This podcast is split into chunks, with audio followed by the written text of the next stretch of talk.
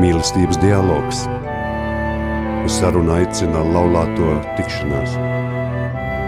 Palieciet manā mīlestībā, Jāņa 15.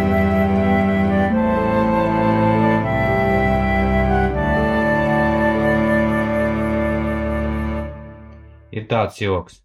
Sarunājas divi bērni. Puika saka, es tevi mīlu. Meitene, kā pieaugušie? Puika, nē, pa īstam. Labvakar šajā visa mīlētāja dienas vakarā ar jums kopā ir kustības laulāto tikšanās raidījums mīlestības dialogs, un mēs, Edgars un Sigita. Šajā vakarā mēs jums piedāvāsim nedaudz citādāku formātu kā ierasts, un aicināsim uz sarunu par mīlestību, par pāri attiecībām un dialogu lomu tajā. Katrs no mums savā dzīvē noteikti ir mīlējis nu, kaut vienu reizīti, un noteikti atceras tās sajūtas, kādas radās pret konkrēto cilvēku, pret pasauli kopumā. Es esmu ļoti emocionāls un romantisks cilvēks. Viss, kas saistās ar mīlestību, mani var aizraut un padarīt sapņainu, bet vai tiešām katrs jūtas mēs varam palikt zem nosaukuma mīlestība? Es savukārt sevi neuzskatu par uh, īpaši romantisku cilvēku, tāpēc man ar tām smalkajām sfērām ir diezgan grūti. Man gribētos visus šo stāstu sākt ar tādu nedaudz teorētisku sakārtošanu pa plauktiņiem. Vārds mīlestība varbūt tiek, tiek lietots daudz dažādās nozīmēs. Nevelti citās valodās šos daudzos jēdzienus, ko mēs ikdienā izsakām, apzīmē ar atsevišķiem vārdiem. Latiņu valodā tiek lietot sekojoši vārdi. Eros tā ir mīlestība, tā ir tāda lidojoša, ātri rodas un ātri arī iztvaiko, tā ir atkarīga no objektārajām īpašībām, citiem vārdiem sakot, eros ir kaislība bez citām sastāvdaļām. Filio savukārt ir līdzjūtība pret draugu, šāda veida mīlestība nav balstīta uz skaistumu, šajā gadījumā persona piesaista otras puses iekšējās īpašības. Protams, šī sajūta ir daudz ilgstošāka nekā pirmā eros un mazāk mainīga, bet beidzas, ja draugs nodod vai aizvaino. Storģi tā ir bērnu mīlestība pret vecākiem vai vecāku mīlestība pret bērniem. Agape tā ir īpaša mīlestība pret personu, kas vairs nav tāda uz nosacījumiem balstīta, bet ir bez nosacījuma, neinteresēta mīlestība, kas neko neprasa sev, bet no otras puses visu saprot un visu piedod. Ļoti spilgti šo te mīlestību apraksta Bībeles citāts, ko dzirdējis noteikti būs ik katrs, to gandrīz vienmēr lasa laulības ceremonija laikā. Tā ir tā sauktā apustuļa Pāvila mīlestības himna, jeb teksts no apustuļa Pāvila pirmās vēstules korintiešiem 13. nodaļas, un tā skan sekojoši. Mīlestība ir pacietīga, laipna, mīlestība nav skaudīga, tā nerīkojas nekautrīgi, nav uzpūtīga, tā nav godkārīga, tā nedzenas pēc sava, tā nedusmojas, tā nedomā ļaunu, tā nepriecājas par netaisnību, bet priecājas par patiesību, tā panes visu, tā tic visam, tā cer uz visu un visu pacieš. Um, šis ir viens tiešām no skaistākajiem mīlestības aprakstiem, kas ietver tik daudzus vārdus par to, kāda ir mīlestība. Man uzreiz galvā jau sāk skanēt viena dziesma, un arī Pāvests Francisks savā pamudinājumā ģimenēm mīlestības līksmē piedāvā šī citāta, un tajā iekļauto vārdu analīzi, attiecinot to uz laulības dzīvi, un šai sadaļai pat dots tāds brīnišķīgs nosaukums mūsu dienišķā mīlestība – Tad nu, mūsu šodienas sarunu tēma pēc tik gara ievada būs mīlestība un kā mēs to kā pāris izdzīvojam ikdienā, un cik tas ir grūti vai viegli, arī ņemot vērā laulāto tikšanās dialoga pamatprincipus, saskaņā ar kuriem mēs ikdienā cenšamies dzīvot, ar kuriem cenšamies dalīties ar jums un ar pāriem, kas apmeklē mūsu kustības organizētos pasākumus. Un tad nu es atkārtošu mūsu dialoga pamatprincipus - klausīties vairāk nekā runāt, saprast vairāk nekā kritizēt, dalīties vairāk nekā diskutēt un pāri visam piedot. Interesanti, ka dzirdot šos dialoga pamatprincipus, tā pirmā mirkļa doma ir tāda, ka nu, es uh, gribu, gribu un ceru, ka tas otrs būs tas, nu, kas būs tas pacietīgs, kas, kas vairāk klausīsies, vairāk sapratīs un vairāk dalīsies. Jo uz mani tev tas īsti tā neatiecas, jo, jo es jau esmu tāds labs pēc dabas un man trūkuma ar gandrīz vai nav. Un, um, gadās dzīvē, diezgan bieži gadās tādas nepatīkamas atklāsmes, ka tas, kā es vērtēju, piemēram, savu pacietību, un visas citas savas pozitīvās īpašības nebūtu nav tā, kā to vērtēja šajā brīdī mana sieva Sigita.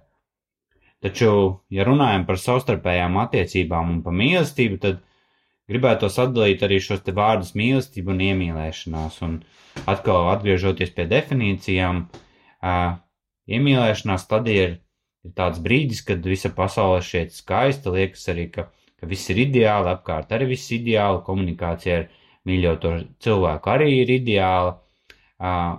Un arī šajā brīdī jau neko mums nevajag. Ir viss tas, kas mums vajag, ir dots, ir mīļi vārdi, dota klātbūtne, pieskārieni, un arī viss tā, ka liekas, ir kārtībā. Un kaut kādā mērā iemīlēšanās ir egoistiska, jo tā sajūta, ja man ir labi, tad šķiet, ka viss ir labi. Un šeit gribētos vilkt tās paralēlas ar jēdzienu eros. Bet um, agri vai vēl mēs pie visa labā pierodam un sākam arī kaut ko pamanīt sev, tā, sev apkārt, kaut kas sāka nepatikt un uh, sākas kurnēšana un uh, arī tiek ierodzīti tie trūkumi otrā un tas pacietības limits, kas sākumā ir pilnīgi nepiepildāms, kaut kā ātri kļuvis ir pilns un parādās tās domas un kaut kādas idejas, ka nav taču man labi šajā brīdī un, un uh, tā ir indikācija, ka šis tēros kaut kādā mērā pāriet eh, filio stadijā, kad, ja tas tā nenotiek, tad arī pāris aiziet katrs uz sev pusi, jo, jo nevar vairs ignorēt tās kliedzošās savu vajadzību arī nepiepildīšanās, un, un, un tas arī apzīmē to brīdi, kad idealizācijas periods ir beidzies, kad viņi viens otru pārstājuši idealizēt, un, un uh, tad jau iestājas tas mīlestības periods, kad, kad mīlestība kļūst daudz nobriedo, nobriedušāka un, un arī tāds skatiens kļūst plaš, plašāks, un, un tad uh, sākas tā vienu un otru trūkumu paciešana, kad kādam ir jāpiekāpjas, jo arī tie apstākļi vairs ne, nerādās gluži ideāli. Arī apustulis Pāvils šo te stadiju jau min kā, kā mīlestīga ir pacietīga. Un pāvests Francisks pamudinājumā ģimenēm mīlestības līksme gan norāda, ka būt pacietīgam nenozīmē pieļaut ka pret mums nepārtraukti izturās kā pret lietām. Problēmas rodas tad, ja mēs pieprasam, lai attiecības būtu idilliskas un cilvēki ideāli, ja sevi liekam visam centrā un gribam, lai vienmēr viss notiek pēc mūsu prāta, tad viss mūs kaitina un viss mūsos var izraisīt agresīvu reakciju. Ja neizkopsim sevī pacietību, tad vienmēr atradīsim attaisnojumu savām dusmu izpausmēm un gal galā kļūsim par cilvēkiem, kas neprot ar citiem sadzīvot, par nesabiedriskiem tipiem, kas nespēja valdīt pār saviem impulsiem, bet mūsu ģimene pārvērtīsies par kaujas lauku. Pāvests arī norāda, ka šis vārds visdrīzāk ir saprotams kā lēns dusmās. No savas puses es laikam gribu piebilst, ka, ka man ir pašam jācenšas būt maksimāli pacietīgam, un tikai tad var cerēt, ka otrs būs pacietīgs pret mani. Laulības dzīvē šī īpašība ir ļoti noderīga. Protams, katram no mums ir savs temperaments, un mums to ir jāmācās izprast arī. Laulāto tikšanās piedāvā speciālu nedēļas nogali pāriem, kas jau ir apmeklējuši mūsu pamata rekolekcijas, kas vērsta uz to, lai pāris labāk izprastu savu temperamentu. Starp citu, par temperamentiem ģimenēm, ģimenē mēs runājām arī 2020. gada janvāra raidījumā, Ja jums tas interesē sīkāk, jūs varat šo raidījumu noklausīties Radio Marija Latvija arhīvā. Tad, nu, kad mēs izprotam savu un arī savus otras puses temperamentu, tad mēs varam labāk arī pieņemt dažādas situācijas laulībā. Jo skaidrs, ka tas cilvēks vairs nav tik kaitinošs, tāda ir vienkārši viņa daba. Piemēram, es esmu ļoti straujas dabas. Es ātri aizsvilstos, ja man kaut kas nepatīk. Man visu vajag šodien, tagad uz sekundi. Un tāpat ir arī ar dusmām. Tās manī rodas ļoti ātri un pieļauju, Edgars tas ļoti kaitina. Mana, man ir problēmas ar šo pacietību. Es to apzinos un mēģinu sevi kontrolēt, mēģinu sevi strādāt, lai šīs manas emociju izlādes nekļūst par traucēkli mūsu ar Edgaru attiecībās, arī saskarsmē ar citiem cilvēkiem. Tas ir ļoti grūts, bet svarīgs ceļš. Lai arī man liekas, ka mums ar Edgars ir diezgan līdzīgs temperaments, es zinu, ka viņam lēmuma pieņemšanā ir vajadzīgs ilgāks pārdomu laiks. Viņam viss ir jāizanalizē, viss ir jāsaliek pa plauktiņiem. Un tādēļ bieži vien kaut kādos sarežģītos brīžos vai mūsu konfliktu laikā man tas liekas kaitinoši, jo iestājas pauze, klusums. Un tad man grūti savaldīt savu straujo dabu, jo Jo gribas teikt, nu, atbildi man kaut ko, nu, pasaki kaut ko. Uh, grūti sev iestāstīt, ka vajag būt pacietīgai, ka vajag būt lēnai manās dusmās. Uh, nu jā, tas uh, pagaidām vēl nav par mani, um, jo brīžos, kad mēs esam tikuši pāri šīm smagajām situācijām, esam veidojuši savu dialogu, es esmu Edgaram atklājusi šīs savas jūtas, uh, ka tā klusēšana mani, nu, vēl vairāk uzvalga dusmās. Bet es saprotu arī, ka Edgars neuzskata par pareizu runāt ar niknu sievieti. Un līdz ar to man visu laiku sev jāatgādina, esi mierīga, esi pacietīga. Un, um, nu jā, bet es apzinos, ka tas ir tomēr ļoti svarīgi mūsu attiecībās. Un uh, man visu laiku sev ir jāatgādina, ka man ir jāieklausās savā vīrā, Nevis jāmēģina izteikt visu, kas ir manī, nevis jāuzspiež savas domas, bet nu, tas ir tik ļoti grūti, kad emocijas valda. Šiem laulības gadiem es sapratu, ka sievietē ļoti grūti izdabāt. Bet runājot par uh, temperamentiem, man tā ir joprojām ļoti neskaidra lieta, tīpaši, ja runa par tieši par manu personīgo temperamentu. Bet uh, tas tāda atziņa, kas noteikti man ir, ka nevajadzētu šos te temperamentus vērtēt ļoti zinātniski un, piemēram, tā, ka, ja es esmu holēriķis, tad eh, mana flegmātiķa nevar būt nekā kopīga. Šo te temperamentu sadarību vajadzētu noteikti tā savstarpēji komunicējot un pavadot laiku un, un nevajadzētu arī vadīties pēc kaut kādiem šādiem aizspriedumiem, ko es minēju. Nu, man, man šeit saistībā ar pacietību ir ļoti svarīga arī šī mūsu neverbālā komunikācija, kad mēs viens otru redzam, un, un tad arī spējam daudz vieglāk pacietības robežas savējās pārkāpt, lai, lai neveidotos konflikts, ka tu redzi, ka tas otrs cilvēks ir galīgi tāds nikns un, vai ir apguris ļoti, un, un šī līdzīgas situācijas. Nu jā, it kā es esmu lēns dusmās, un es cenšos tā, tā būt, es tomēr sirds dziļumos tā uzskatu, ka es esmu, bet, nu, arī, kad es sāku trakot, tad, nu, tā vairs nav, un tā arī nav labi īpaši vairs, un, Ar to pacietību kaut kā man ir dīvaini, kad eh, visvairāk it kā vajag to pacietību, tad vismazāk gribās būt pacietīgam. Un, un eh, nav arī tādas robežas, man šķiet, kad eh, ir tāds brīdis, kad esmu kļuvis maksimāli pacietīgs. Vienmēr ir kaut kāda iespēja izaugsmēji. Un, un surajā ikdienā nezinu, kādēļ gadās tā, ka tā pacietība tiek pārbaudīta tieši tad, kad to vismazāk gribās. Un, un sanāk arī tā, ka Ak, Dievs, man atkal ir pārbaudījums, bet nu, kāpēc uh, tas nevar pagaidīt? Kāpēc tas nevar pagaidīt, kad man būs labāks garas stāvoklis, kad es tam būšu kaut kādā mērā vairāk gatavs? Un, un uh, lasot šo te Ieva grāmatas pirmo nodaļu, kad uh, Dievs pieļāva sātanam kārdināt Ievu, man liekas, ja,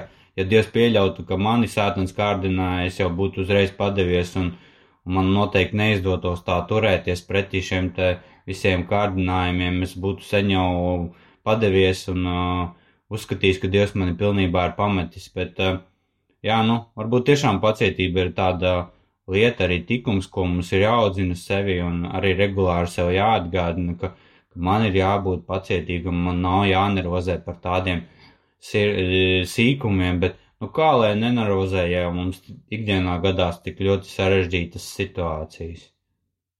Var arī piekrist uh, apustulim Pāvēlam, ka pacietība ļoti cieši saistīta ar laipnību, un, un katram sīkumam, ko mēs ikdienā darām, uh, neatkarīgi ģimenē vai kaut kur apkārt, jābūt ir laipnības pilnam.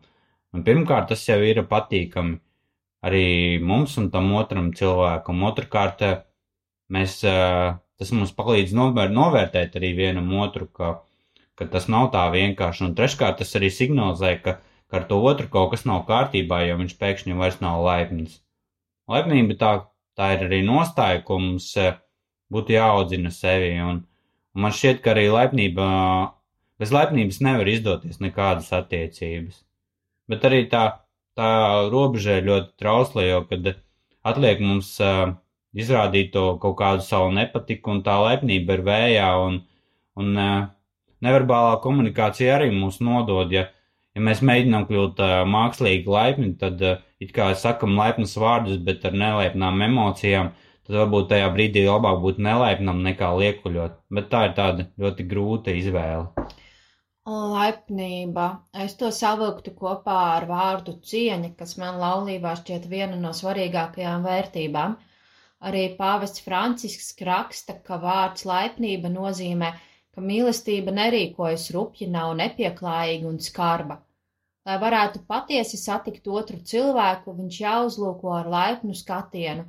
Tas nav iespējams, ja mums ir negatīva attieksme, kas izceļ otru trūkumus un kļūdas, lai tā varbūt kompensētu savus kompleksus. Laipns skatiens ļauj daudz nekavēties pie otra ierobežojumiem, un tad varam to paciest un vienoties kopīgam darbam, pat ja esam atšķirīgi, teikts mīlestības līksmē. It kā noslēdzot laulību, mēs to darām ar cilvēku, kuru mīlam, kuru pieņemam, un arī laulības brīdī mēs apņemamies mīlēt un cienīt visās savu mūža dienās. Tomēr Ar laiku nereti pāri attiecībās ienāk necieņa, otra nopelšana, agresija, emocionāla, dažā laulībā pat fiziska vardarbība. Un liekas, ka cilvēks, kas mums ir blakus, nemanot ir pārvērties par kaut kādu briesmoni, monstru, ir zuduši šī laipnība, cieņa. Mēs vairs nemēģinam saklausīt viņa teikto un to pieņemt, bet uzspiežam savu ideju un tiesājam otru, nosodam, valkam ārā visus viņa trūkumus, kļūdas, kaut kad sanāk teikt to, un dialogs pazūd, iestājas klusums, tukšums un augstais karš. Man savulaik bija grūti pieņemt lēmumu par laulībām, jo man bija bail, ka nekas nesanāks. Jo no bērnības es atcerējos, ka starp manu vecmāmiņu un vecvectāvu valdīja liela cieņa, kaut viņi bija kopā nodzīvojuši garu mūžu. Tas mani ļoti iespaidoja. Vai tā bija, ka starp viņiem nevaldīja strīdi un nebija kaut kādas smagās dienas, es nezinu, jo es to nekad neredzēju. Es redzēju laipnību, mīlestību, cieņu, sarunas, un tas man likās pareizi, un tā es gribēju. Un es esmu pateicīga Dievam, ka man ir dots vīrs, ar kuru es varu šo miera sajūtu saņemt savā ģimenē. Jā, mums vienmēr nav ideāls dialogs, jā, arī starp mums mēdz būt strīdi vai saspringta atmosfēra, bet pamatos es zinu, ka vīrs ir manā pusē, ka viņš būs manā pusē, ka viņš mani ciena un mēs varam izrunāt mūsu problēmas, pat ja mums to ir grūti izdarīt. Un uh, es cen, cenšos iemācīties šo te pareizo izrunāšanos.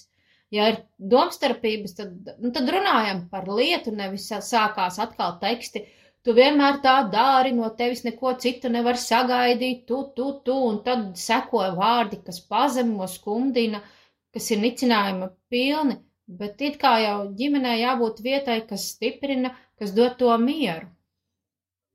Un uh, atšķirībā no Sigītas nebija tāds ideāls, uz ko skatīties, uh, ka viņi stāstīja par savu, saviem vecvecākiem. Uh, noteikti es zinu, ka no šīs dienas perspektīvas uh, Es neredzēju šādu ļoti ciešu tuvību saviem vecā, savos vecākos. Tam bija kaut kādi arī objektīvi un subjektīvi iemesli, arī to es zinu, bet, eh, un, eh, un es arī nejūtos iegūšu šādu paraugu, varbūt, bet no otras puses tas man pašam rada tādu ideālu, uz ko man pašam tiekties manā ģimenē, lai, lai man būtu labāk nekā maniem vecākiem. Un es arī domāju, ka katram ir, eh, katrai ģimenei vajadzīgs kāds veids, kā atgriezties pie saknēm un uh, atkal pie tā, kā šī ģimene ir sākusies un nokratīt putekļu kārtu un sākt visu no jauna komunicēt atkal. Un mums, kas, kas aktīvi darbojamies laulāto tikšanās kustībā, ir tāda iespēja regulāri atgriezties un, un daudz runāt savā starpā, Bet arī mums ar, ar visu šo darbību gadās tādas situācijas, kad, kad mums viss nav ideāli, kā jau Sigita teica, un mums ir jā, jāveido šīs te nepatīkamas sarunas, lai mēs atkal atjaunotu savu ska, saskaņu. Un, un, um, man liekas, arī bieži šīs te nesaskaņas, ko Sigita pieminēja, ir kaut kādas tādas muļķīgas un, un rodas no tā, ka mēs par maz runājam viens ar otru. Mums nav šādas prakses, un, un, un ja mums nav šādas prakses, tad, tad un arī vēlmes runāt, tad notiek šī atvešināšanās. Gatavojoties šim raidījumam, mēs uzdevām savā Facebook lapā saviem sekotājiem jautājumu, kas viņuprāt ir mīlestība, kāda tā ir un vai vispār ir laulībā. Un pirms dodamies šajā pirmajā muzikālajā pauzē, gribas citēt vienu no iesūtītajām atbildēm. Laulības zvērstā ir minēts: mīlēšu un cienīšu visās savu mūža dienās. Kārtīga mīlestība ir gluži kā vēstulē korintiešiem aprakstīts, bet kas to atšķir no piepildītas, ilgas, saticīgas laulības, ir cieņa, kas kaut kā paslēpjas mīlestības ēnā. Tā ir tā ilgas mīlestības atslēdziņa, tad lai skan dziesma, kuras teksts visciešākā mērā ir saistīts ar mūsu šodienas tēmu un saturu. Ja es runātu cilvēku un eņģeļu valodos, bet mīlestības man nebūtu, es būtu kā dordūšais varš un kā skanūšais vorguļs, ja man arī būtu pravītošanas dovana un es zinotu visus noslēpumus, visas zinības īgiltu. Ja man būtu pilnīga ticība, ka es pat kolnus porceltu, bet mīlestības man nebūtu. Es nebūtu nekas, ja man mīlestības nebūtu. Ja visu panes, visu ceru, esam tic, es nebūtu nekas, ja mīlestības nebūtu, ja visu panes, visu ceru esam tic. Mīlestība ir labprātīga, mīlestība ir pacītīga, ja nesadzām pēc sava, nedomāj ļauna, ja arī pravītošana izgaistu un zinošanas izgaistu mīlestība neizniegs nekot. Nebūtu nekas, ja man mīlestības nebūtu. Ja visu pāris, visu ceru esam tic, es nebūtu nekas, ja mīlestības nebūtu. Ja visu pāris, visu ceru esam tic, es nebūtu nekas, ja man mīlestības nebūtu. Ja visu pāris, visu ceru esam tic, es nebūtu nekas, ja mīlestības nebūtu. Ja visu pāris, visu ceru, esam tic.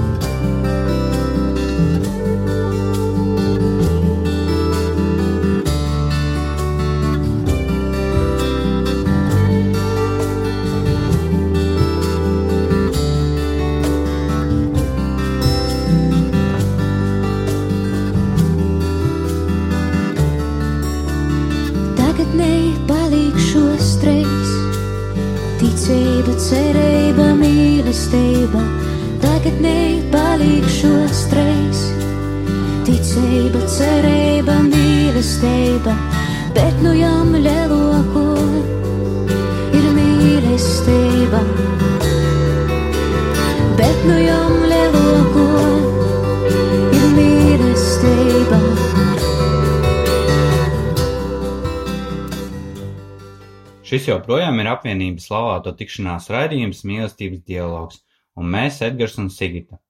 Un šovakar eh, turpinam sarunāties par mīlestību, par tās lomu laulībā, par pamatu ņemot apustuļa Pāvila mīlestības himnā ietverto mīlestības aprakstu. Tātad es paliku pie tā, ka laulībā un mīlestībā, manuprāt, vissvarīgākā ir laipnība un cieņa, jo goda vārds es nevarētu dzīvot kopā ar cilvēku, kas uz mani paceltu balsi, pazemot ar vārdiem, izteikt par mani negatīvus komentārus vai replikas, nemaz nerunājot par varbūt fizisku vardarbību. Tādēļ man šķiet, ka pārī visam pamatā ir svarīgākā vieta prasmei sarunāties, izrunāties un jā, atrast kopīgu valodu. Domājot par visu šo tēmu, radās tāda asociācija, ka šis apustuļa Pāvela citāts ļoti sasaucās arī ar laulāto tikšanās dialogu pamatprincipiem. Šis te rinda klausīties vairāk nekā runāt, man tieši sasaucas ar to, ka mīlestība ir pacietīga un laipna, jo, jo kad mēs esam sastrīdējušies, tad mēs eh, pārstājam klausīties, ko mums vispār saka, tikai kaut ko runājam savu, jo mums taču ir taisnība, bet, kad sākam ieklausīties, bieži varam rast izlīgumu. Šī rinda saprast vairāk nekā kritizēt man iet kopsolī ar mīlestību nav skaudīga, tā nerīkojas nekautrīgi, nav uzpūtīga, tā nav godkārīga un nedzenas pēc sava. Un vispār ir tik viegli otrā redzēt viņa trūkumus. Tie uzreiz tā lien uz āru, un mēs vienmēr zinām par otru visu labāk, un nevēlamies arī saprast, tikai tiesājam, mēram viņu pēc savas mēraukas, un šajos brīžos neredzam, ka paši nemaz nesam labāki par viņu, un tiesāšanai ir arī mūsu aizsarglīdzeklis. Dalīties vairāk, diskutēt un pāri visam piedot, tā, tā ir atbilstoša Tā nepriecājas par netaisnību, bet priecājas par patiesību. Tā panes visu, tā tic visam, tā cer uz visu un visu pacieš.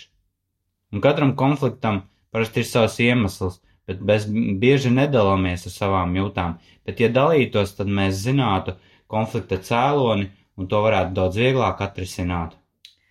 Man kaut kā domājot, tā, nu, ir radusies tāda sajūta, ka Latvijā pāri bieži vien nemaz nemāk sarunāties. Nemāk atklāt savas jūtas, izteikt savas domas. Uh, varbūt īpaši tai paudzei, kas vēl ir piedzīvojusi padomju gadus, uh, arī mūsu paudzei tas nav mācīts. Biežāk ir mācīts nerunāt, lieki neko neteikt, apspiest savas jūtas, kur nu vēl tur kaut ko dalīties un domāt par to, kā tur, kas tur. Un um, mēs uh, laulībā ienākam ar šo savu bagāžu no ģimenes, no dzimtajām mājām, ar dzīves laikā uzkrāto, un tā mēs tur maļamies varbūt bieži vien un nesaprotam, kā atrast kaut kādu risinājumu. Arī mani audzināja, ka par sevi nerunā, vienkārši nerunā, vienkārši dzīvo un pilda savus pienākumus. Turklāt mūsu mājā dominēja, ka tad, kad visi sanāk kopā, tad visi nu, tur dzimšanas dienās vai vārdienās runā, bet neviens neklausās. Un tas arī ir tāds liels trūkums daudzās ģimenēs. Turklāt mūsdienās nāk klāt vēl viena nianse, kas ir telefoni. Mēs varamies savā telefonā, planšetē, datorā, televizorā, kamēr otrs izsaka savas domas vai jūtas. Arī pāvests Francisks raksta, ka daudzi cilvēki atzīst, ka viņi savā ģimenē jūtas vientuļi un nesadzirdēti. It kā varbūt apkārt pat ir daudz cilvēki, tu tā kā otram stāsti savu sāpi, domas, priekus, bet otrs tev nemaz nedzird, lai gan sēž tev blakus. Iztrūkst šī posma klausīties un reaģēt uz otru teikto, iztrūkst elementāras cieņas, laipnības pret otru. Un, un tagad, um, kopš mēs arī vairāk domājam par šiem dialogu pamatprincipiem un cenšamies pēc viņiem dzīvot, Man pašai tiekoties ar saviem radiem bieži gribas apklust, jo pie galda visi runā, un nāk secināt, ka neviens jau nekrausās. Galvenais tikai izteikt savu, un nav svarīgi, kur tas paliek. Un, un ja, ja dažreiz visi runā, un, un kāds grib, lai viņu vairāk sadzird, tad tas paceļ balsi. Un, un man tas sāk šķist ļoti nomācoši, man paliek skumji tādos brīžos, un uh, Jā, mums jāmācās runāt un mums jāmācās klausīties. Un, uh, man pašai arī bieži varbūt tās um, klibo šis te klausīšanās un sapratnes posms, jo, nu, man patīk kritizēt to vīru vai apkārtējos tā vietā, lai saprastu viņa rīcības iemeslus. Varbūt iemesls ir pat mana uzvedība, īpaši, ja mēs runājam par mūsu kā laulāto attiecībām. Jā, Sigita, man liekas, sākumā tā ļoti vispārināja visas mūsu ģimenes, bet man liekas, tik ļoti vispārnāt arī nav pareizi, jo katrā ģimenē tomēr tas stāsts ir ļoti atšķirīgs un pat varbūt izpētes vērts, bet jā, laikam jau ir tomēr kaut kādas kopējās iezīmes un domājot par to, ko Sigita teica par nerunāšanu, man kaut kā rodas tāda mirkļa asociācija, ka, ka padomu laikā taču speciāli vecāki mācīja uh, bērniem, ka nedrīkst runāt visu, ko domā, un, un uh, mēs visi to tā kā zinājām, bija tik šausmīgi grūti arī būt tam cilvēkam brīvam, jo, jo vajadzēja visu laiku domāt, un pēc tam bija šis te padomijas sabrukums, un, un, un visiem, nevis visiem, bet ļoti daudziem dzīves tika pagrieztas otrādi, un, un bija daudz konfliktu un pārmaiņu nesaskaņu visu šo lietu dēļ, un, un tas kaut kādā mērā ir ietekmējis arī nākamās paudzes, vēl arī viena lieta, ka mani vecāki nebija kristīgi, un varbūt šī ticība un Dievs arī būtu vērsis daudzas lietas pa labu, kāpēc arī šīs attiecības vecākiem nebija tik labas, bet arī man šķiet, arī šajos laikos, ka atsvešināšanās ģimenē ir tāds ļoti liels risks, tāpēc katrai ģimenei ir kaut kas jādara regulāri, lai to novērstu. Un, uh, bet man arī ir tāda sajūta, ka tomēr ir vērojama kaut kāda pozitīva dinamika mūsdienu ģimenēs, ka cilvēki daudz vairāk laika pavada kopā un viņiem arī šāda te iespēja pavadīt vairāk laiku. Bet jā, runājot par tehnoloģijām, ko Sigita pieminēja, mēs esam ieplānojuši atsevišķu raidījumu. Bet šķiet arī vēl viena slikta lieta par tehnoloģijām, ko tā dara ar, ar ģimeni, ka, ka tagad jau tam laulātajam draugam ir jākonkurē ar visiem šiem rīkiem, kas ir paredzēti personas izklaidēji un dzīves, dzīves atvieglināšanai, un arī tajos tik viegli aizbēgt, un, un arī tas darbs eh, caur šīm tehnoloģijām bieži vien ielaužas ģimenē, un, un arī tās paredzētajā laikā, un kaut ko vajag strauji izdarīt un ātri, un, un eh, tad tas cilvēks nevar at, eh, atslēgties vairs no darba, un, un tas stress un nepatika krājas, un, un kaut kur to vajag visu izlādēt, un tad par mērķi kļūst ģimene. Mīlestība ir laipna, tai derdzes nodarīt otram ļaunu. Mīlestība ir jūtīguma un iejūtības skola. Un patiesā mīlestība ir arī tā, kas pieņem to otru, to vīru vai sievu ar visiem tiem trūkumiem. Um, mēs izvēlamies konkrēto cilvēku, ar viņu salauzājamies, veidojam ģimeni labprātīgi. Nu, tā tam vajadzētu vismaz būt, nu, man liekas. Tāpēc mēs arī bieži vien atgādinām sadarinātajiem pāriem, cik svarīgi ir iepazīt otra ieradumus, trūkumus un vērtības. Protams, otru cilvēku mēs nevaram iepazīt negad, nekad tā līdz galam, un uh, lietas, kas mums agrāk tracināja, var pārstāt, nepatikt, un otrādi, kas mums nu, likās tā pieņemami, pēkšņi var izveidot kārtīgu ģimenes skandālu. Piemēram, jo apnika vīrs daudz durvis. Uh, bet tādos dusmu brīžos mēs pirmkārt atceramies par to lēns dusmās, par pacietību. Tāpat tās mums jāatceras, ka mēs taču to otru cilvēku izvēlējāmies, jo mīlējām. Un gan jau kāds no jums ir apmeklējis sadarināto un iemīlējušos vakars tāpat kā mēs, gan jau varbūt Kāds tāpat kā mēs iesmīkņāja par ieradumu izzināšanu, jo ko gan mēs par otru nezinām, mēs taču zinām visu. Otrs ir vislabākais, otrs ir visideālākais. Protams, ir tikai tas jāatcerās visās mūža dienās, un arī tajās, kad otrs tracinās un kaitinās tik ļoti, ka varētu izdarīt nu, jebko, bet tad ir jāuzsmaida un ar laipnību otrs jāapskauj, jo katram no mums ir nu, slikts gara stāvoklis, slikta diena, un arī mūsu uzvedību otru var kādreiz kaitināt.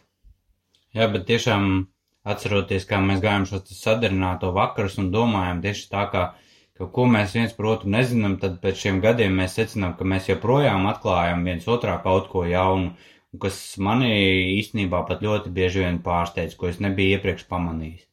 Bet jā, interesanti arī par to atšķirību, ka ka bieži vien ir tā, ka vīrs grib, lai viņa sieva būtu tvirta un sportiska, bet, bet īstenībā pats jau ir uzaudzējis tādu alus vēderu un līdzīgi varbūt arī citās sfērās. Un, un man personīgā pieredze saistībā ar šo te citātu ir tas, ka uh, patiesi tāda otra cilvēka satikšana ir tāds ļoti garš process, un, jo arī es pats visu laiku mainās un mainās man cilvēki apkārt, un no otras puses arī šī atšķirība ir ļoti laba lieta, ka visi cilvēki nav vienādi, jo iedomājieties, ka visiem cilvēkiem garšot tikai kaut kādas sarkanās konfektes, tad tās nevarētu dabūt, jo viņas vienmēr būtu izpirktas. Un labi, kad cilvēkiem garšo dažādi saldumi, un arī šī dažādība mums par iespējas izmēģināt kaut ko jaunu un nepieredzētu. Attieksme vienam pret otru ir tomēr tāda kā šajā klasiskajā sakām vārdā, ka, ka mums pret otru jāizturas tā, kā gribētu, lai izturētos pret tevi. Un, un arī no tādas elementāras loģikas izriet, ka nav jēgas norādīt uz cilvēku trūkumiem kaut kādā situācijā, jo tas nodedzina tos tiltus un iespēju sadarbībai tālāk. Jo, protams, kaut kādā brīdī tas var radīt mūsu triumfu, ka mēs esam iedzinuši oponentu izmisumā, bet tādā ilgtermiņā tas uh, var sagādāt tikai tās pati, patīkamas jūtas kaut kādam uzvaras kāram cilvēkam, ne īpaši normālam, es teiktu. Bet tādā kārtīgā ģimenē tā ir katastrofa vienkārši. Un, Kāds pāris uz mūsu uzdoto jautājumu, kas ir mīlestība, atbildēja.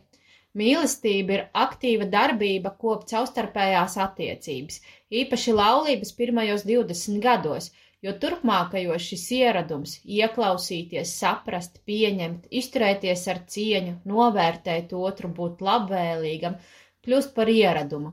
Domājam, ka pāris starpā var piedzīvot viskaistākos brīžus dzīvē, jo tikai divi kļūst par vienu, izprot otru un piepilda viskvēlākās vēlmes. Um, tekstā minēti vārdi nedomā ļaunu, kas vēl tulkojas kā piemiņ ļaunu. Pretstats šim vārdam ir piedošana. Arī mūsu dialoga pamatprincipi beidzas ar vārdiem un pāri visam piedošana. Nu, cik svarīgi īstenībā šis vārds piedot, īpaši laulāto attiecībās. Internetā mēdz klajot tāds joks, un es nezinu, vai tas pat ir joks. Es varu piedot, bet es nekad neaizmirsīšu. Tīri cilvēciski man arī uzreiz gribas piekrist, nu jā, nu tā taču ir, bet vai tā būs? Un īpaši vai tā būs laulības dzīvē? Tad sanāk tā, es tev piedodu, ka tu toreiz uz mani sakliedzi, bet es to nekad neaizmirsīšu, un nākamajā strīdā to celšu gaisā. Um, nu, man liekas, ka agri vai vēl tas novedīs pie nopietnām problēmām pāri attiecībās. Un vispār jautājums, vai tad, tad to esi piedevis? Ja vēl viena tāda nianse, kad uh, apkārt sev mēs uh, arī sevi īstenībā varam redzēt kaut kādas tādas tendences, ka, ka mēs uh, neapzināti tā meklējam vainu otrā cilvēkā.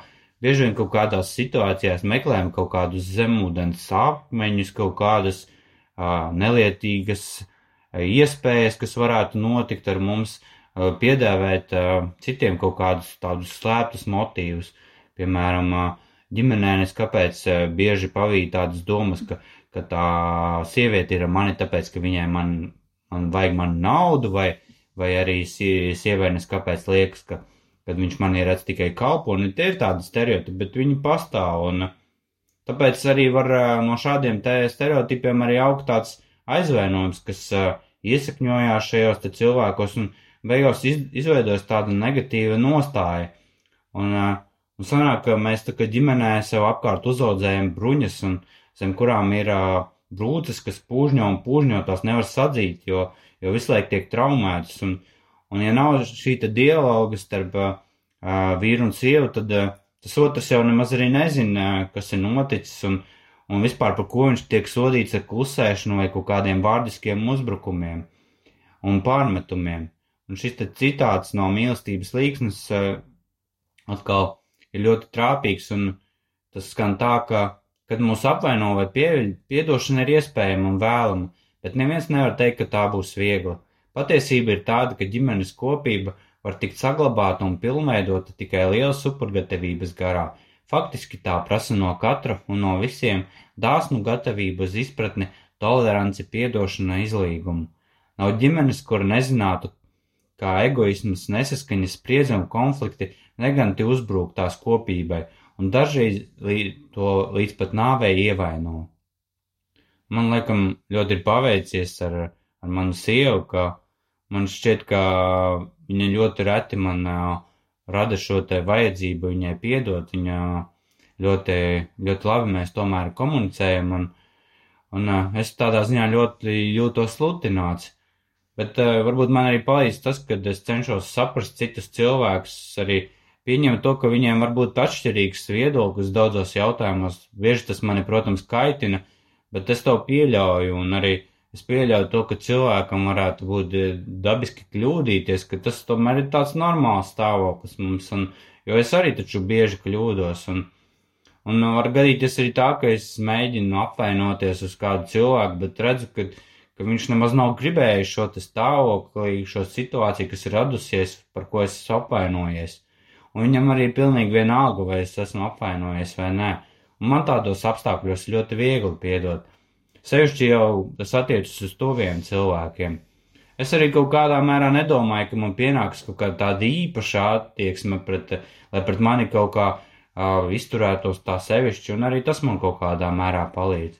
Un beig beigās es pats esmu vainīgs pie tā, ja, ja viss nav sanācis tieši tā, kā es esmu gribējis. Un, uh, nepatīkami, protams, ir tajā brīdī, bet ir lietas, ko mēs vienkārši nespējam ietekmēt. Un, ja mēs par katru sīkumu pārdzīvotu un nesātu to, to dziļi sirdī šo nepiedošanu, es domāju, ka, ka es pat daudz vairāk cieš, eh, ciestu. Un, nu, es arī ļoti ceru, ka katrā situācijā ir tomēr iespējams atjaunot šīs cieņas pilnās attiecības. Eh, lai gan, protams, kā Sigita arī teica šajā te citātā, kas bieži izskan, kad pēc, pēc tā incidenta tās attiecības noteikti nebūs vairs tādas kā pirms tā. Man ar to piedošanu ir tā mm, interesanti. Es to mācos. Tiesa lietas, ko man grūti piedot, ir mūsu kā pāra dialogā ar mūsu radiem, kas nereti ir nesaskaņu iemesls mūsu ģimenē. Tur šī piedošana man nāk daudz strā, smagāk. Man kā straujam cilvēkam attiecībās ar Edgars tās dusmas un aizvainojumi ātri atnāk, un tad, nu, paiet, nezinu, dažas dienas, varbūt pat mazāk, un es esmu to jau aizmirsusi un piedevusi kaut iepriekš licies, ka viss, nu, šis nu gan ir pēdējais piliens, man vienreiz pietiek. Um, kaut kādos dusmu un aizvainojumu brīžos es, um, kad jau, nu, nevaru atrast vairs nekādu risinājumu, Varbūt tas nav tas pareizākais, bet, nu, es meklēju, uh, varbūt vēl sākuma vajadzētu griezties pie Dieva, bet, nu, man ir pēc tam, kad es esmu visu jau izdomājusi, tad es ķeros pie lūkšanas un, un es gūstu šo stiprinājumu un es zinu, ka arī būs tas risinājums. Ir reizes, kad es esmu sākusi rakstīt Edgaram vēstuli, tā gan reizi nav nosūtīta, bet man ir svarīgs šis uzrakstīšanas process, lai atnāktu risinājums, miers, un tad ir tas laiks, kad es varu iet un veidot dialogu ar Edgaru. Pāvilā vēstulē efeziešiem ir teikts, dusmās neapgrēkojieties, lai saule nenoriet jums dusmojoties. Un vadot sadarināto un iemīlējušos vakarus, mēs bieži šo citātu esam arī dzirdējuši no priesteriem, kur uzrunā pārus, kuri gatavojās laulībām. Jo pāri nereti jautā, nu kā risināt konfliktus, kā iziet no krīzes, kā piedot. Nu nav jau nekā unikāla. Katrs pāris piedzīvo nesaskaņas, lai arī cik lielā saskaņā viņi dzīvotu, un krīzes var ielikt un kļūt ilgstošas, un varbūt šī nesarunāšanās un durvju ciršana, um, un uh, tā gaidīšana, kad otrs atnāks un prasīs piedošanu, bet, nu, dialogs. Vienīgais risinājums ir dialogs. Jā, kā apstos Pāvils raksta, lai saule nenoriet, un tad, tad ir tāds mūsu aicinājums, kad eh, nenesīsim gultā līdz neizrunātos aizvainojumus, lūksimies kopā, nomierināsimies un, un centīsimies visu izrunāt. Arī Pāvis Francisks uzsver, ka ģimenē ir svarīgi trīs vārdi. Tie ir eh, ļoti svarīgi īstenībā. Paldies, lūdzu un piedod. Un, Kā jūs zināt, tagad ir moderni veidot visādus mājas dekorus ar tādiem viediem, gudriem tekstiem. Un, un šis arī būtu labs variants, ko varētu rakstīt uz šī dēļa, ka, kad mums ir svarīgi trīs vārdi - paldies, lūdzu un piedod. Nu, jā, un īstenībā, kas notiks ar to dusmīgo vīru, ja ja sieva viņam pieglaudīsies, vai, vai arī dusmīgo sievu, ja viņu apskaus un pateiks, nu, piedod, iedos buču.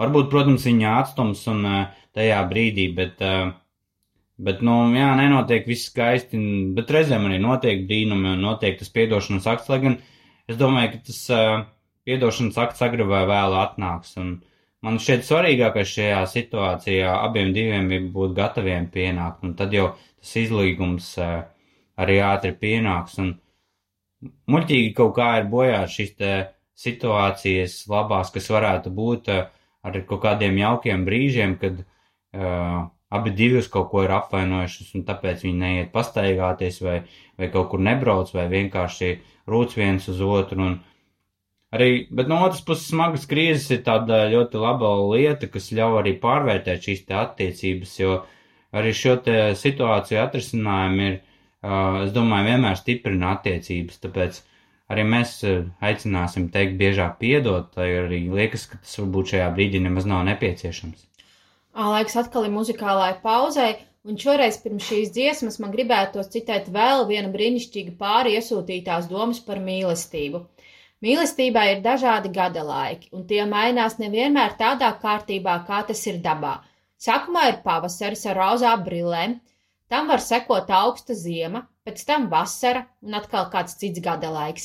Jābūt gatavam pielāg, pielāgoties, uzvilkt atbilstošu apģērbu, dialogu, dažreiz klusēšanu un nogaidīšanu, izturību un lūkšanu, lai kopā tos gada laikus izdzīvotu. Mīlestība ir izvēle, taisīt vakariņas, kad negribās, naktī mierināt bērnu, ļaujot otram necelties to darīt, novākt aiz otra traukus un kādas nomētētas lietas, paturēt muti ciet, kad gribas teikt kādu trapīgāku vārdu, noglaudīt garām ejot otra plecu un no rīta apskauties un teikt labrīt, vakarā aizvikt kopā, piedot otram pirms viņš lūdzis piedošanu, nolaist poda vāku, kaut arī ir skaidrs, ka tam jābūt paceltam, un atstāt otram pēdējo kūkas gabalu. Bet tagad turpināsim ar kādu skaistu dziesmu, un šis te citāts, ko Sigita tikko lasīja, tur jau sāk par tiem gada laikiem, un arī šī dziesma mums ir atmiņā no vienām rekolekcijām Bruknā, kad, kad viens eh, jauks vīrs atnāca mums pēc pusdienām uzspēlēja šo dziesmu ar priesteru Andrēju Mediņu svētību. Viskaistākais gada laiks, viskaistākais gada laiks skaistākais gada laiks ir mīlestība. Viskaistākais gada laiks, viskaistākais gada laiks, viskaistākais gada laiks ir mīlestība.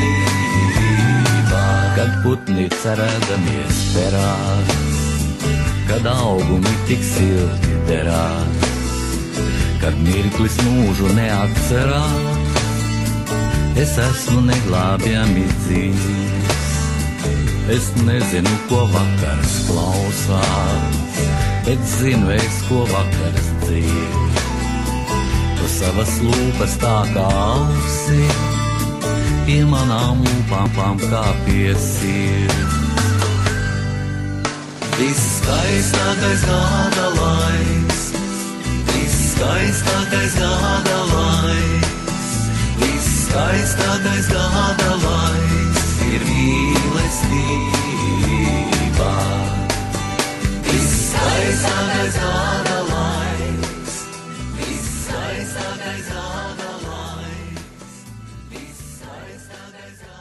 Jūs klausāties apvienības laulātā tikšanās raidījuma mīlestības dialogs, un uh, joprojām šeit esam mēs, Edgars un Sigita. Sarunājamies mēs šovakar par mīlestību un tās lomu laulībā, par pamatu ņemot apustuļa Pāvila mīlestības himnā ietverto mīlestības aprakstu. Mēs esam runājuši par piedošanu, par cieņu, uh, bet te ir vēl tāds, uh, tādi vārdi kā pacieši visu. Un man liekas, ka te varētu sākties karstas diskusijas par tēmu, vai tiešām mīlestībai un laulībai ir jāpacieš viss. Tiešām viss. Arī man brīžam skatoties uz kādu grib, ģimeni, gribas teikt, nu kā tā var, nu, nu kā var vispār to visu paciest, un tad es par šo ģimeni lūdzos. taču pāvests Francisks norāda, ka šie vārdi arī nozīmē pozitīvā garā izturēt visus sarežģījumus, ne tikai paciest visus sarežģījumus, bet izturību, kas spēj pārvarēt jebkurus izaicinājumus. Tā ir mīlestība par spīti visam. Protams, ka laulības dzīvē ir dažādas situācijas, kas nav tikai rožainas. Uh, tad, kad mēs gatavojamies laulībām, mums liekas, ka nekad, nekad nekas slikts nenotiks. Bet, diemžēl, ir tā, ka notiek. Ir nesaprašanās, strīdi, izmisums, negulētas naktis, slimības, darbas zaudējums, abu vai kādas no pusēm vecāku ielaušanās laulības dzīvē, atkarības un daudz kas cits, un brīžam ir liela dieva žēlastība, varbūt tas stiprinājums, ko mēs saņemam laulības sakramentā un arī dialoga dāvana, lai no šīm mazajām un lielajām krīzēm tiktu laukā. Arī mūsu laulībā ir bijuši gadījumi, kā Edgars man atgādina, es solījos tev mīlēt kā priekos tā bēdās, mēs tiksim ar to galā. Tāpēc bieži mēs sadarināto vakara dalībniekiem iesakām pirms laulībām iemācīties laulību solījumu. Pat ja priesteris saka, ka nevajag, jo pateiks priekšā. Pat, pat ja laulības brīdī tiešām no uztraukumiem tas viss aizmirsīsies, tomēr laulības dzīve ir ļoti gara un būs momenti, kad ir svarīgi atcerēties, ka es izvēlējos tevi mīlēt un cienīt priekos un bēdās visās savu mūžu dienās. Jā, arī tajās sliktajās, kad man ir slikts gara stāvoklis, kad ir smagi, kad asaras ir acīs un liekas, ka to izturēt vairs nav iespējams. Un arī šī pandēmija, kas, nu, ir ielgusi gandrīz gadu un visus mūsu skār, visi šie ierobežojumi, noteikumi, kas mainās katru nedēļu, nav saprotami, kas būs rītā, attālinātās mācības, attālinātais darbs, mūsu katra uzskati par notiekošo ir liels pārbaudījums nevienai vien ģimenei. Šis ir laiks, kad ir svarīgi tad ieklausīties un piedot otram. Mēs visi esam noguruši, nomocījušies. Tas, kas varbūt pāri attiecībās agrāk tika nostumts tā kā nebūtisks uz vēlāku laiku, un varbūt, kam mēs nepievērsām uzmanību, jo tas nav svarīgi. Tagad, kad mēs esam pārguruši, tas viss izspēlda virspusē, un varbūt par lieliem strīdiem, kas novada līdz tam, ka, nu, jā, pāris sāk aizdomāties, ka vajadzētu šķirties. Mūsu ieteikums būtu ieklausīties otrā, mēģināt saprast otru un galvenais piedot.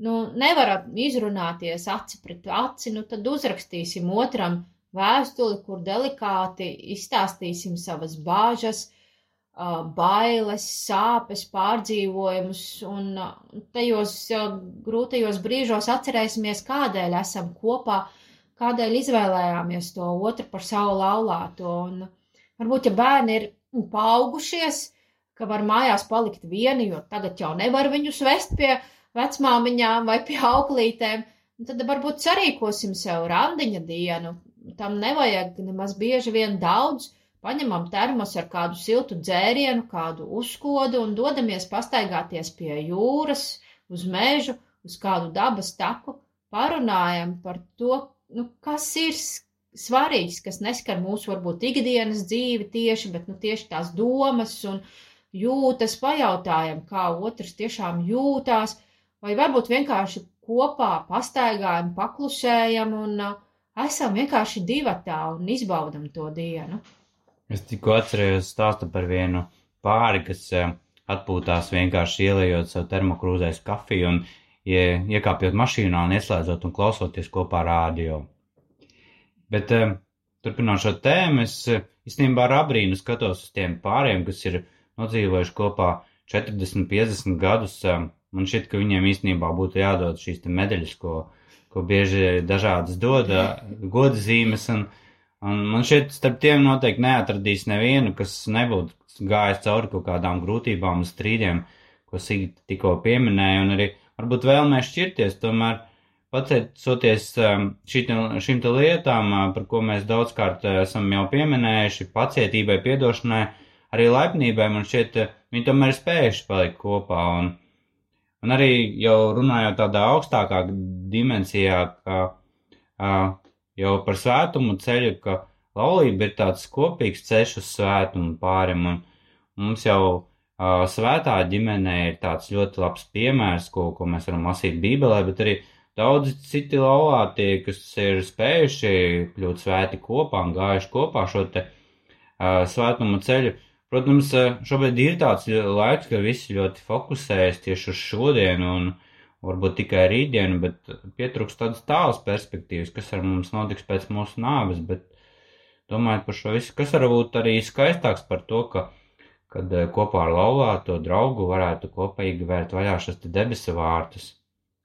Un arī domājot par šo svētumu ceļu, man šķiet, ka tas Vienam tas kaut kā ir vieglāk paveicams, arī svētums vieglāk sasniedzams, jo, jo tad ir tā kā pilna kontrola pār savu dzīvi, var vienpersoniski pieņemt kaut kādas lēmumus un uh, arī kaut ko mainīt tajā, bet laulībā vienmēr tas otrs, kas varbūt kādreiz nemaz nav sajūsmā par, par manām vai, vai manas sievas idejām, es nevienmēr esmu sajūsmā, un tāda spēja balansēt kopā ir īstenībā ļoti sarežģīta ikdienā, nemaz nerunāju par par, par šādām garīgām lietām un prasa no abām pusēm piekāpšanos un patiesu dialogu, tāpēc svētuma ceļš laulātajiem ir tāds ļoti liels izaicinājums, ka Bet no otras puses tas arī nozīmē to, ka blakus būs palīgs, kas palīdzēs pārvarēt grūtus brīžus un īstajā brīdī visi pacietīs.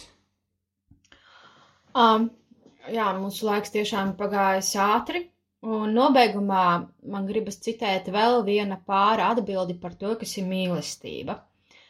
Mums šķiet, ka mīlestība ir rūpes un ziedošanās otra labā, uzmanīga reaģēšana uz otra interesēm un vajadzībām, sava veida dvēseles stāvoklis, kurā ir labi ieaicināt arī dievu.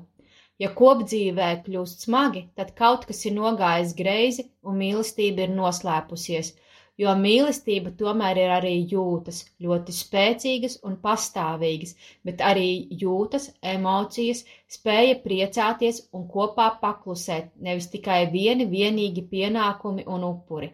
Un jā, tauriņi vēderā jūtam arī pēc 10, 15, 20 gadiem. Tā nav tikai iemīlēšanās perioda privilēģija.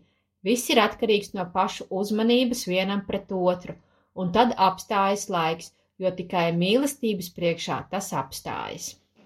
Paldies, ka bijāt kopā ar mums šajā raidījumā mīlestības dialogā. Aicinam jūs arī ikdienā veidot savu dialogu, arī apmeklēt virtuāli pagaidām mūsu organizētos pasākums, un uh, ceram, ka drīz varēs būt arī klātienes uh, kaut kādas uh, nedēļas nogalās vai arī mazo grupu tikšanās, bet, bet uh, Šobrīd jūs varat atrast informāciju par mūsu attālinātajām mazajām grupiņām, variet ar mums sazināties, ar mums e-pastā laulāto.tikšanās at gmail.com vai rakstot mums Facebook grupā. Tad, kā es teicu, mūsu mājaslapā www.laulātiem.lv jūs varat atrast informāciju par tiem pasākumiem, kas notiek arī par tām iespējām, kur varētu griezties krīzes situācijā. Mūsu animatori labprāt sniegs jums atbalstu savu iespēju robežās arī. Ja jums ir kādi jautājumi, vai jūs vēlaties ierosināt kādas tēmas, ko gribētu dzirdēt mūsu raidījumā, tad rakstiet mums savas idejas. Un, savukārt ēterā mēs ar jums tiksimies 7. martā, un tad mūsu saruna būs par to, kā tehnoloģijas ietekmē mūsu ikdienu, domāšanu un paradumus un nobeigumā laulāto tikšanās lūkšana. Kungs Jēzu, es lūdzu Tev dialogu dāvanu mūsu laulībai, palīdzi man vēl labāk ieklausīties manā sievā, palīdzi mums appusēji labāk vienam uh, otru saprast, dalīties vienam ar otru, piedot viens otram, dod mums delikātumu un maigumu mūsu sarunās un dari, lai tās vestu pie patiesās tikšanās vienam ar otru un abiem kopā ar tevi. Palīdzi mums aizvien labāk pieņemt vienam otru, radīt vienotību, kurā mēs varam palikt tādi, kādi esam. Lūdzu, dziedini to, kas mūsos ir sarežģīts un grūti panesams, kas mūs šķir, un palīdzi visus lēmumus pieņemt ar mīlestību, kas izriet no dialoga vienam ar otru un ar tevi. Palīdzi mums priecāties par mūsu laulību un vienmēr palikt tavā mīlestībā. Āmen! Mīliet viens otru!